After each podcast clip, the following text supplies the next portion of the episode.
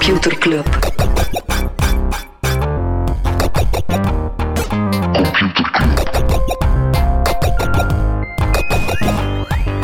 Computer Club. Hey Smolly, Hey Freddy, welkom, welkom terug. welkom. Welkom bij Computer Club, een wekelijkse podcast over technologie. Iedere aflevering selecteren Freddy en ik een eh, interessant artikel en presenteren een feitje. Ik ben eh, nerveus. Smolly. Waarom? Weet je nog die keer dat we ontdekten dat Frank de Bozer naar onze podcast luistert? En dat Ja, we het besef van, oh shit. hè, dat is zo. Out of body experience. Ehm, ik heb ontdekt dat eh, Xi Jinping eh, meeluistert, ja, de Chinese president. Maar ja, die luisteren alles mee. Eh, alles mee, maar ook specifiek. Allee, ik, hij luistert alert, ik zal het zo zeggen. Omdat we de vorige week hadden we voorspeld, of had ik voorspeld, dat de eh, Chinese tech-aandelen terug gingen keren. En dat is aan het gebeuren. Want Ja, ja, iedereen weet dat de Chinese tech-aandelen, dat dat gewoon Jinping is die aan de knop draait. Mhm. Dus ik vind het wel echt ja, En aan welke knop heeft hij gedraaid? eh, de positieve knop. Hè. We zijn terug aan het veren. Helaas zijn de westerse tech-aandelen daardoor eh, naar beneden aan het gaan. Eh, kijk, ja, voilà. Als we het hebben over de Chinese versus Westerse tech, er komt een Europees programma dat de CHIPS Act heet.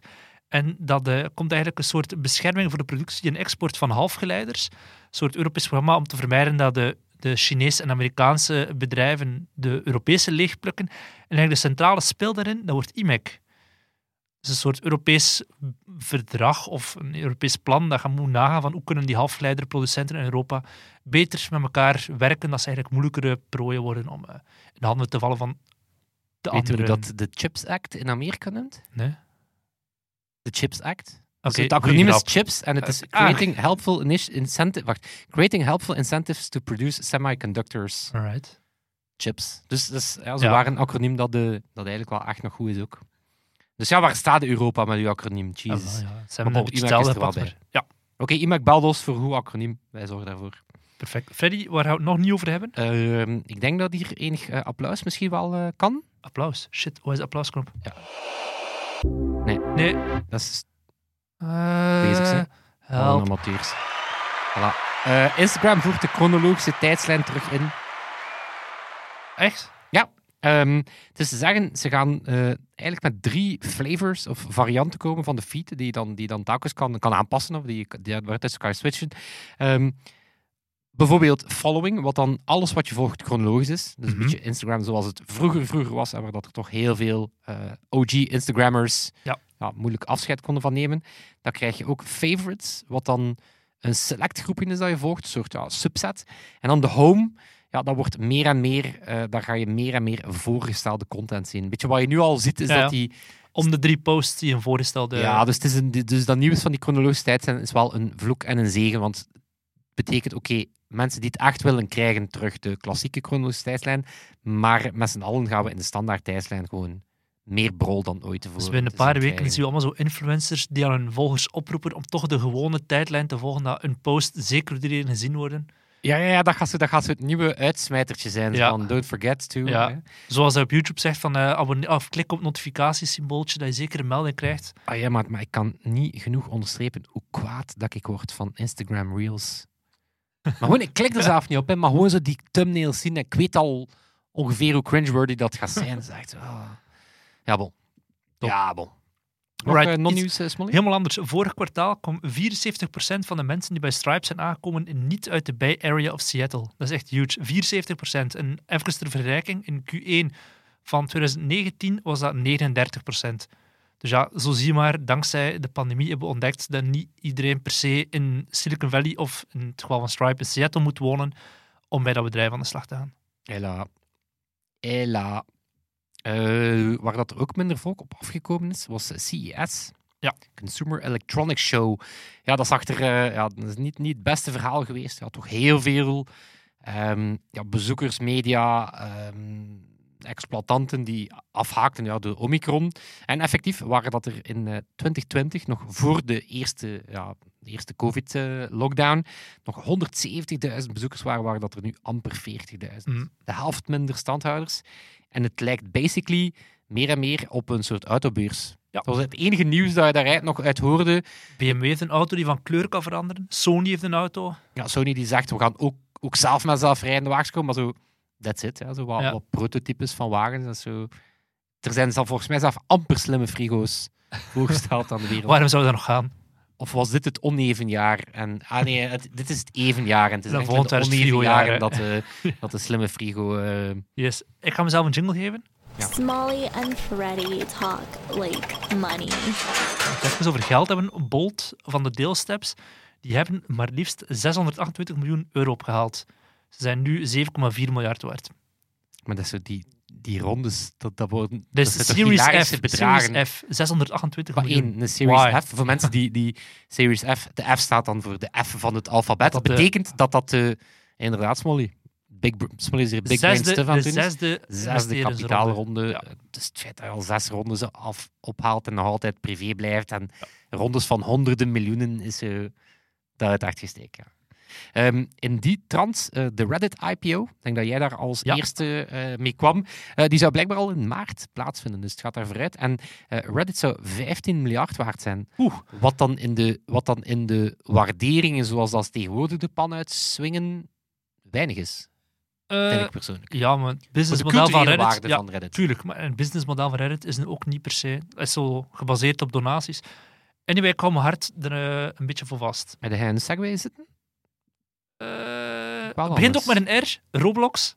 Ah, Gaan we ja, Roblox? ja, mijn, mijn Segway kapot. Robot had een eh, Chinese variant, gemaakt in samenwerking met Tencent. We hebben het er ooit over gehad. Die is na vijf Ik maanden offline om gehaald. een vrij slechte, slightly racial joke Nee, nee, dat gaan we niet Roblox. Ik zie hem eh, liggen, maar we gaan het niet doen.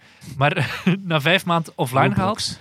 Ja, ik heb hem gehoord, Ferry. En nu, komen, nu komt hij terug nadat de nodige aanpassingen zijn doorgevoerd. Dus vooral op vlak van data en wie mag er, eh, waar moeten gegevens bewaard worden in China of niet. Mm, Ik had, er, eh, ik had hem niet, niet als bullet point genoteerd, maar ik moest er nu net aan denken. Ehm, ik, ik zag ergens passeren dat in China moet je een license krijgen als je een game wil uitbrengen. En ze hebben dat, zoals vele dingen in die ja, crackdown, even stilgelegd. Maar blijkbaar is er sinds vorige zomer al geen enkel spelletje dat nog een license gekregen heeft. Ja, spelletjes zijn evil, dus ze gebeuren daar gewoon niet meer. Lily, moest jij nog iets zeggen over de NFT van de week? Eh, ja, ik ken nog... oh man, ik ken zoveel. Maar die gaan we sparen voor de nieuwsbrief. Ja, oké. Nieuwsbrief.computerclub.online. Ja, de NFT, NFNE van de week ehm, is niet zozeer een NFT, dan wel het zoveelste bedrijf die iets met NFT's gaat doen. Eh, GameStop eh, Ah ja, kenden we hier amper, hè, want eh, dat is een beetje de, de game mania van de VS. Hè, dus die kenden wij eigenlijk amper, behalve dan vorig jaar toen ze een meme-stok werden en daardoor van een soort eh, uitstervende winkelketen terug relevant waren somehow.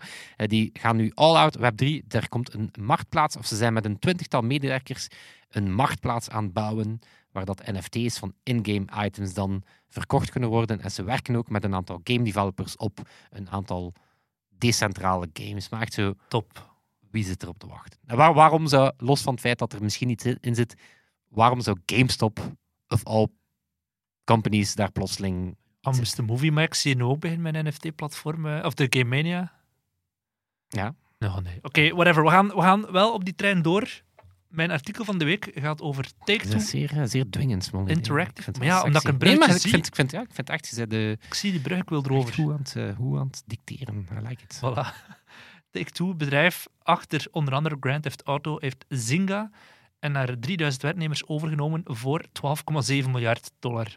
Eh, een mix van cash, geld en aandelen, zo gaat dat dan. Het is de grootste overname ooit in de gamingwereld. Dus volgens mij 5 miljard, nog meer dan de overname van Bethesda door Microsoft van eh, vorig jaar of twee jaar geleden. Maar dat is waanzin. Toont hoe groot dat... eh, hoeveel geld dat er in mobile games eh Ja, wel, ik was er een beetje over verbaasd. Omdat ik eerste zegt, denk je, die mobile game wereld, oké, we hebben het, dat is zeer hard gegroeid en dat is nu afgevlakt, zou je denken. We hebben zo Angry Birds en, en heel die sector en Candy Crush gehad. Maar nee, dat blijft waanzinnig hard groeien. Vorig jaar nog 7% erbij gekomen, is nu 93 miljard waard, heel die sector. En in de pandemie keer de boost gekregen, uiteraard. Maar je merkt wel, anderzijds, wat dat dan logisch is voor Take-Two, bij de PC en de console en gaming zit er weinig groei niet meer. Het onderzoek verwacht dat in 2024 de totale gamingmarkt gaat zijn van 200 miljard.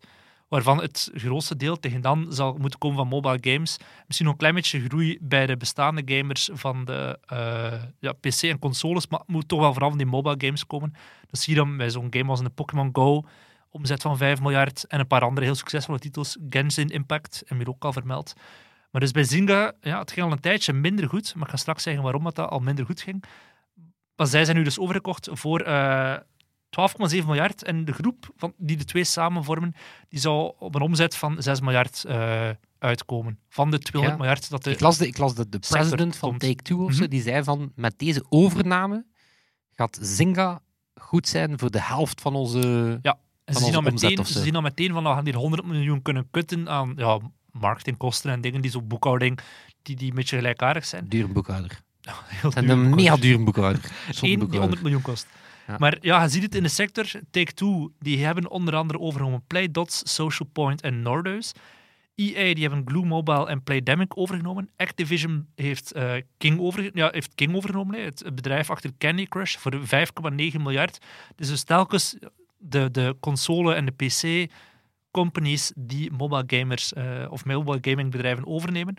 En dan zie je Take-Two, die heeft eigenlijk echt heel weinig ervaring in die mobile games. Ze hebben een aantal ports van GTA en zo, maar dat is gewoon vaak letterlijk het spel dat ze op, op, op mobile op, opzetten. Maar niet zo die free-to-play games waar eh, Zynga supergoed in is. Zynga die begonnen is in de tijd met Farmville op Facebook. En toen dat Facebook een beetje begon te kutten in het feit dat je spelletjes mocht spelen op Facebook, Het is er wel even slecht gegaan daardoor. Ja, da- dat, leek, dat leek zo het einde van plotseling die, ja, die van heel die, er zijn toen heel veel bedrijven gesneuveld. Hè. Een aantal zijn wel blijven bestaan. Zynga is blijven bestaan. En er zijn wel een aantal redenen waarom dat eh, Take-Two dan effectief Zynga overneemt. Het eerste is uiteraard die mobile games. Dat ze zeggen van, kijk, jullie hebben er echt heel veel ervaring in, die free-to-play mobile games. Dus verwacht je maar binnenkort dat ze aan bijvoorbeeld een GTA, een nieuw soort GTA Mobile online, gratis eh, gemaakt met dan in-app purchases of whatever dat gaat zijn. Maar Dat komt er sowieso zijn, aan. Dat Wat? gaat niet populair zijn. Omdat nu echte GTA-fans ook al een beetje op hun honger zitten, omdat ze, ze blijven de cash cow GTA 5 en dan Mhm. vooral GTA Online, wat een mega money machine is. Yep. Dus eigenlijk gewoon dat live service model. Blijven ze op doorgaan en het gaat nu ook naar PlayStation 5 komen. Dus ja, mensen die echt nieuwe, een nieuwe game hebben, dus ja, ik denk echt niet. Dat is zoals dat de eh, Blizzard, Ja. die hebben op een gegeven moment ook zo aan hun trouwste fans plotseling zo een Diablo free-to-play mobile game voorgesteld. Dat is ook zo al de hate van het internet plotseling op hun, eh, op hun dak. Ja, we zullen zien wat ze gaan doen. Maar anderzijds ook andersom. Zynga die was al van plan om een Star Wars game op de Nintendo uit te brengen. Dus zij waren al de overstap aan het maken van mobile naar console. Dus dat is al een tweede synergie, om het dan zo hip te noemen. Ehm, anderzijds Maar ook... er is niks vuils aan het woord synergie. hoor. Nee, hij is dus synergie. moet er niet, moet er niet mee in zitten. Wij hebben ook synergie. Ja. Ja. En er gaat ook, er gaat ook hoe noem je dat, upselling, cross-selling zijn. Ze hebben samen bereiken ze meer dan 1 miljard mensen. Eh, de twee bedrijven samen. Dus ze gaan waarschijnlijk in de ene game reclame kunnen maken of whatever voor de andere game. Eh, Cross-selling. cross-selling, inderdaad. En dan het, ja, misschien wel de belangrijkste reden waarom dat Zynga zo gecrashed is. We hebben het dan over in de ene app reclame maken voor de andere. Zynga die had Chartboost overgenomen. Dat software om zelf reclame te maken in apps. Ehm, ja, die, die waren dus eigenlijk minder afhankelijk van de Googles en, en zo van deze wereld daarvoor. Uiteraard kwam Apple toen met het nieuws dat ze zeer hard gaan inspelen op het feit dat je niet meer kan gaan eh, data tracken in andere applicaties. Waardoor dat de een klap gekregen van 50%. In vergelijking met februari vorig jaar stond op een piek 50% gecrashed nadat Apple dat nieuws heeft aangekondigd. Ehm, waardoor dat ze nu de prijs dat Take-Two nu voor hen betaalt, is eigenlijk ongeveer hetzelfde als de piek waaraan ze stonden vorig jaar in februari. Eigenlijk doet Take-Two al bij al een redelijk goede Ja. deal. Inderdaad. Maar ja, dus die chartboost, dat, was zo, dat ging zo'n beetje het nieuwe paradepaardje worden van Zynga, die advertentiesoftware. Bon, dat gaat er waarschijnlijk niet meer van komen. Wat ze wel hebben, is een blockchain-divisie. dus je voelt hem al aankomen. Er zal ook wel daar met NFT's geëxperimenteerd worden in de games van Zynga of in die van Take-Two. Ik ben, wel, ik ben wel super benieuwd naar de Farmville GTA crossover. Waarin dat je zo van je tractor gaat kunnen trekken en dan de uur rijden. En dan betaal je, ja, een, dan kan je een zotte tractor kopen als NFT en die dan gebruiken in andere spelletjes. Kunnen Een Red Dead een Redemption. oer, een oer mee pakken en zijn neerknuppel met Ja, een ja. aubergine of zo. Of het paard uit Red Dead Redemption gebruiken in Farmville. Dat is een...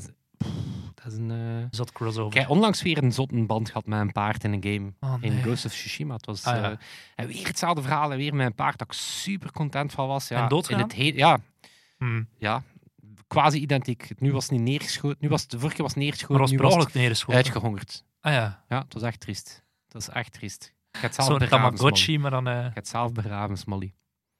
Intussen een goede band met mijn nieuw paard.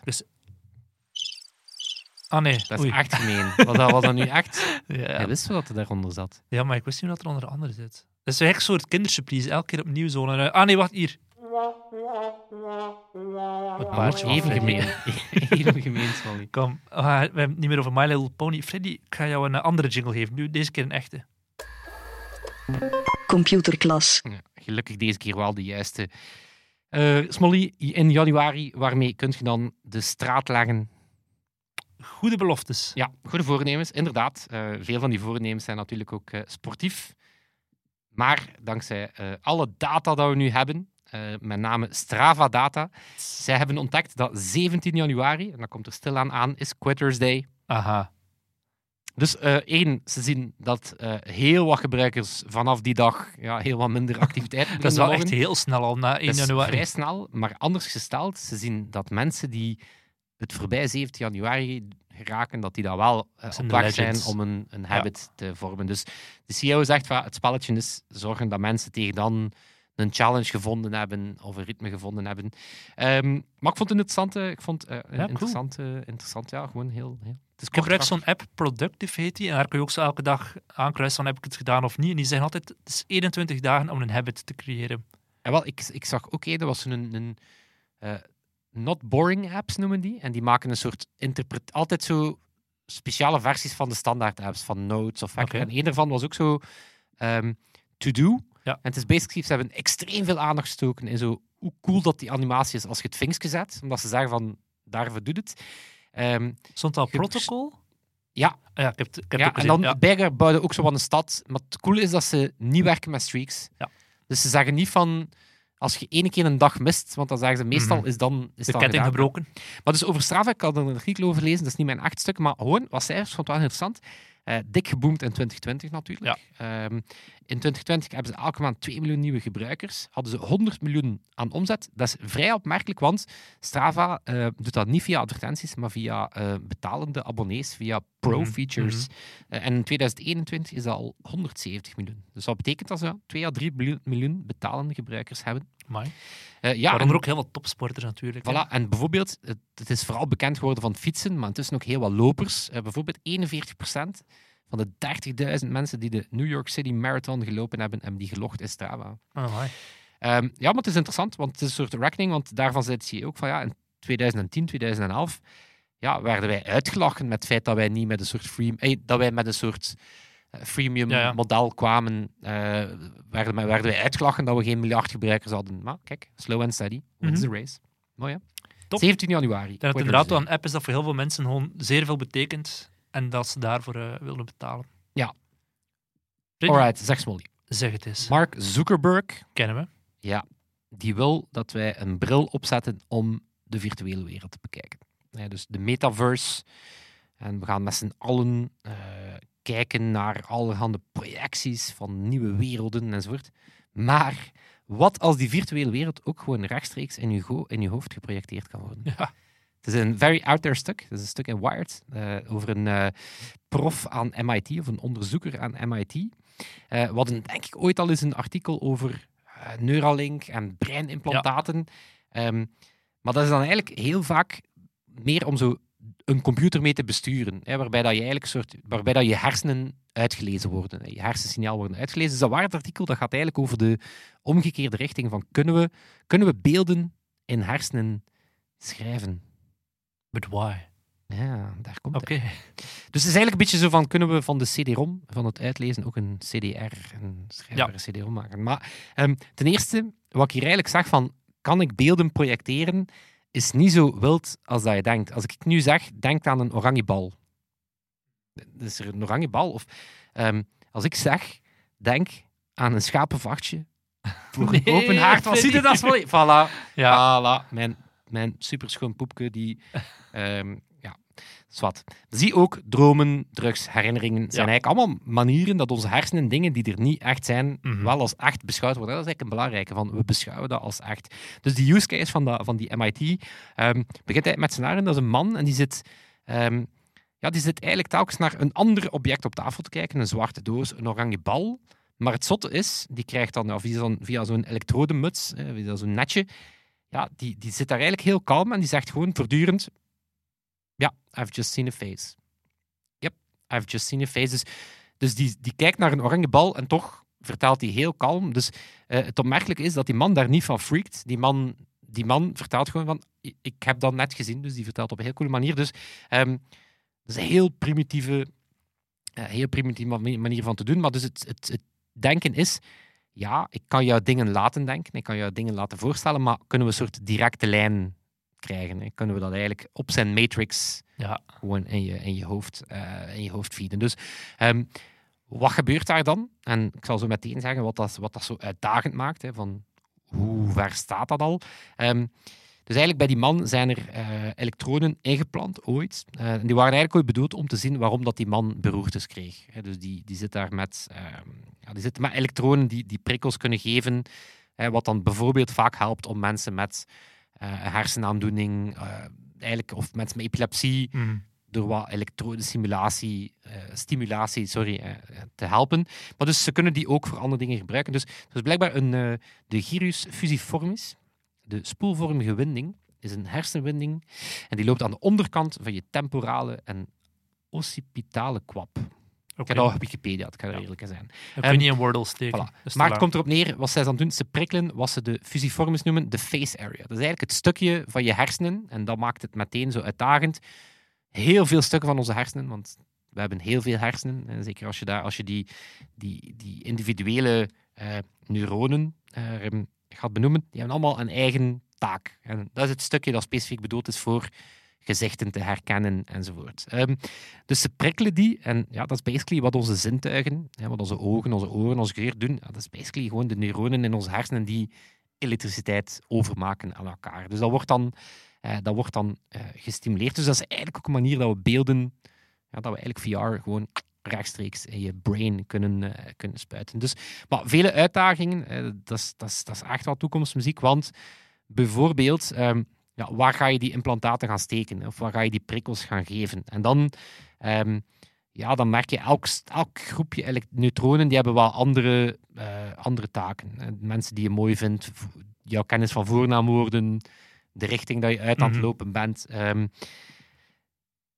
en we hebben, ja, dat, dat zijn allemaal groepen die, ehm, ja, die, en die, die, die groepen doen elk een deeltje en die communiceren ook allemaal met elkaar. Dus één, dat is al heel moeilijk om te doen. Zeker omdat het ehm, heel moeilijk is om te lezen wat een brein precies doet wanneer dat aan het denken is. Dus het is ook niet dat we dat, dat plaatje van wat ligt erop, en zo moet je dat dan bijna voorstellen, van als Mhm. ik aan iets denk of ik verwerk een prikkel, wat gebeurt er dan? Eh, En daarvan, het stuk zit vol met hele mooie vergelijkingen, dus het zijn zeker niet de mijne. En daarvan zegt die auteur van dat stuk, ehm, wat wij eigenlijk zien als we een hersenscan maken, is dat zo de, de, de foto van de finish. Wat wij niet zien is, hoe is die race verlopen? Dus we hebben echt zo de momentopname van hoe, wat is er nu in dat brein gebeurd, maar dat leert ons eigenlijk nog altijd niet veel van hoe zijn die prikkels tot stand gekomen. Ehm, en ehm, ja, het moeilijke is, wat wij ook zien op die hersenen, is niet de gedachte zelf, maar is eigenlijk gewoon ja, de stoom die je hersenen aflaten om die gedachte te produceren.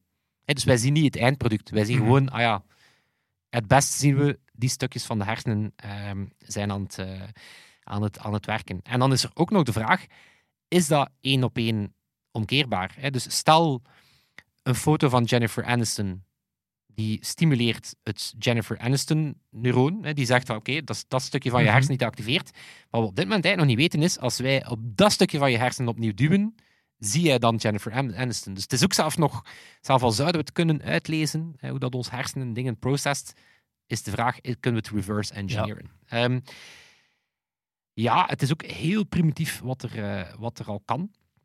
Ehm, bijvoorbeeld in een Nederlands labo gebruiken ze, eh, testen ze op apen. Ehm, ze zijn die apen, voordat er eh, dieren, vrienden van dierenwelzijn eh, op de barricades gaan staan. Ze leren die apen eigenlijk het, het alfabet. En dat is via 100 elek- eh, 1000 elektroden. En die dan specifiek de virtuele cortex doen oplichten. En de virtuele ehm, cortex, die kennen wij allemaal. Dat zijn eh, de lichtpuntjes die je, zien, die je ziet wanneer dat je zo even een, een rammeling gaat Ja. hebt. Weet je wel, zo te snel. Hè, dat, zijn, dat zijn eigenlijk ehm, ja, de, de lichtpuntjes, de, de fosfemen, denk ik, heet dat, die oplichten. Dus wat ze eigenlijk doen, is die duizend elektroden als een soort ehm, ledbord gebruiken om letters op te... Dus ze tonen die apen het, ja, eff- effectief het alfabet, waardoor dat die apen dan het verschil leren tussen A en. B. Ehm, trek dat door en je kan basically een blinde ehm, ja, verbinden aan een camera. En dan krijg je een soort heel pointillistische weergave van Uh-huh. de maatschappij. Maar dat is, dat is in principe... Dus zo primitief is dat. Dat is echt zo puntjes zetten en, en hopen dat je daarmee een beeld kan, eh, kan creëren. Maar in de toekomst, hè, DARPA, het eh, lab van het Amerikaanse leger, Neuralink, eh, zijn er allemaal bezig. Er komen nieuwe prototypes. En nu zitten we op 1000 elektroden, nieuwe prototypes met 64.000 elektroden, maar het zijn er honderden miljoenen nodig met een eigen procent. Een beetje zoals een LED-TV. Weet je? Ja. Zo, nu hebben we zo één grote beeldbuis, maar we gaan echt wel een, een very high definition LED Ja. nodig hebben met elk ledje die dan ook nog eens zelf, zichzelf kan besturen. Ehm, wat maakt het ook nog moeilijk? Eh, de volgorde moet juist zijn. Dus die, die neuronen laten eh, afvuren. Het is niet gewoon op de toetsen duwen, maar het is een heel complexe piano-sonata spelen. Mhm. Dus het is ook nog niet eens op de juiste knopjes duwen. Het is echt in de juiste volgorde. Wat het ook extra moeilijk maakt, is dat onze hersenen, ja, die zitten in, eh, in zout water, die zitten in, als een beetje zoute emulsie. En zout is natuurlijk super geleidend, zoutwater is super geleidend. Dus ehm, zelf al weet je welk stukje dat je moet onder stroom zetten, dan nog is de kans dat je het precies kan raken heel klein. En daar, dat is wellicht de mooiste vergelijking uit het tuk. Dat is een vuurtoren in de mist. Zo, ja, Ja. die verlicht iets, maar die verlicht dan eigenlijk ook wel De boel ernaast. de boel ernaast. Voilà. En de oplossing, en dat is, dat is echt wel. ehm, dat is, hier, hier komen echt wel een paar heel stoere termen aan. Ehm, de oplossing daarvoor kan heel cool zijn. Dat zijn opsines. En wat zijn opsines? Dat zijn de proteïnen op je netvlies ehm, die gevoelig zijn voor licht. Dus dat is basically hoe dat zicht werkt. Dat zijn eigenlijk de proteïnes die lichtgevoelig zijn en die dat dan vertalen naar een elektrisch signaal Hmm. dat dan in je hersenen. en dat heet dan holografische optogenetica. Ja, dat is, eh, het is even buiten onze eigen comfortzone. hè. Ehm, en dat zijn die proteïnes specifiek gaan, gaan triggeren met gekleurde lasers. Dat is cool, hè? Ehm, en wat hebben ze nu gedaan? Precies de Kompasclub. Voilà, ze hebben... eh, dit is iets minder Compasclub, hoop ik. Ehm, ze hebben eigenlijk muizen gekweekt die opsines op hun neus hebben. Ik denk dat er van alles op mijn Ik- neus zit. In de, Voilà, ik heb geen idee hoe beginnen aan dat soort kweek. En, oké, Maar dus dat betekent dat die muizen, die ruiken een artificiële geur. Dus die ruiken een geur dat ze nog nooit geroken hebben wanneer dat er een bepaalde lichtfrequentie wordt getoond. Dat is ma- dat is maf, hè? Oké. Ehm, een variant van die, van die insteek is dat je, je die, die, die hersencellen kan laten oplichten bij bepaalde gedachten. Dus het kan eigenlijk zowel gebruikt worden om heel precies te gaan targeten. Je, je, je target dan met licht. Die opsines die gaan dan, die worden dan getriggerd, die, die creëren dan een gedachte. En dan anderzijds kan je bij een bepaalde gedachte ook hè, diezelfde opsines laten Misschien al oplichten. adverteerders eh, in de handjes wrijven. Ja. Dus bepaalde gedachten bij mensen kan oproepen automatisch, maar wel licht. Ja, voilà. En dan ja, de, de, de laatste moeilijkheden. Ehm, je weet niet wat die, wat die mensen zien. Hè, dus Mhm. je moet dat echt ook vragen. Dus dat maakt die testen echt moeilijk. Daarom dat die man ook heel tijd moet zeggen... ik, Ik zie een ik vrouw, ik zie dat. ja. Dus het is heel moeilijk. En eh, iedereen heeft een andere interpretatie van de, van de werkelijkheid. Wow. Ja, dus... eh heb je ooit gehoord van die What is it like to be a bat? Nee.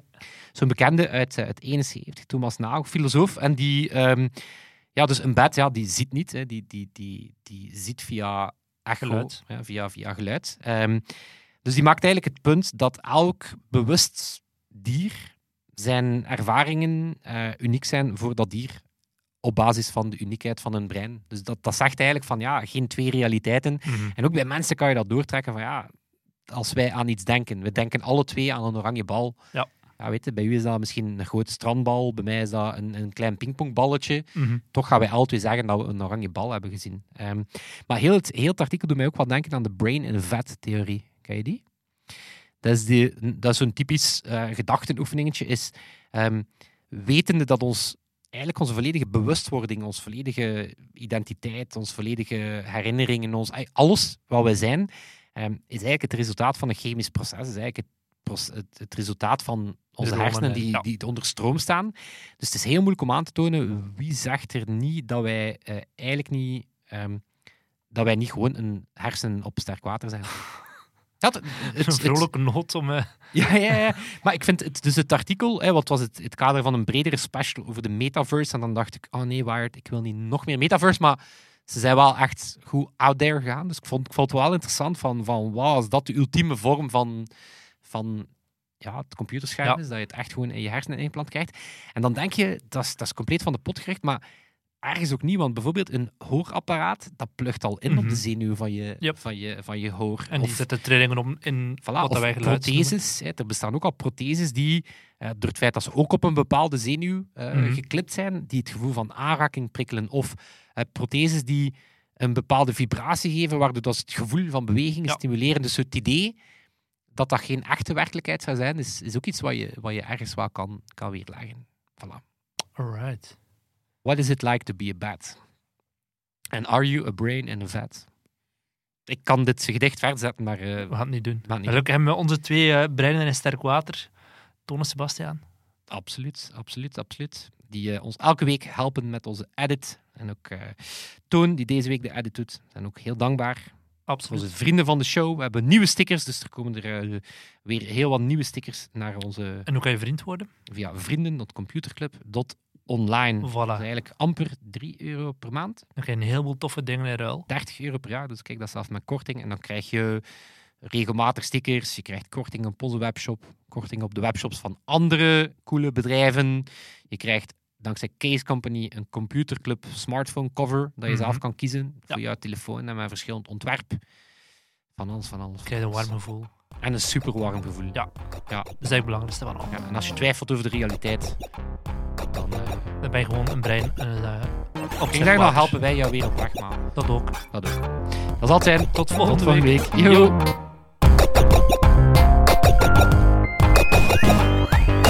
Computer Club.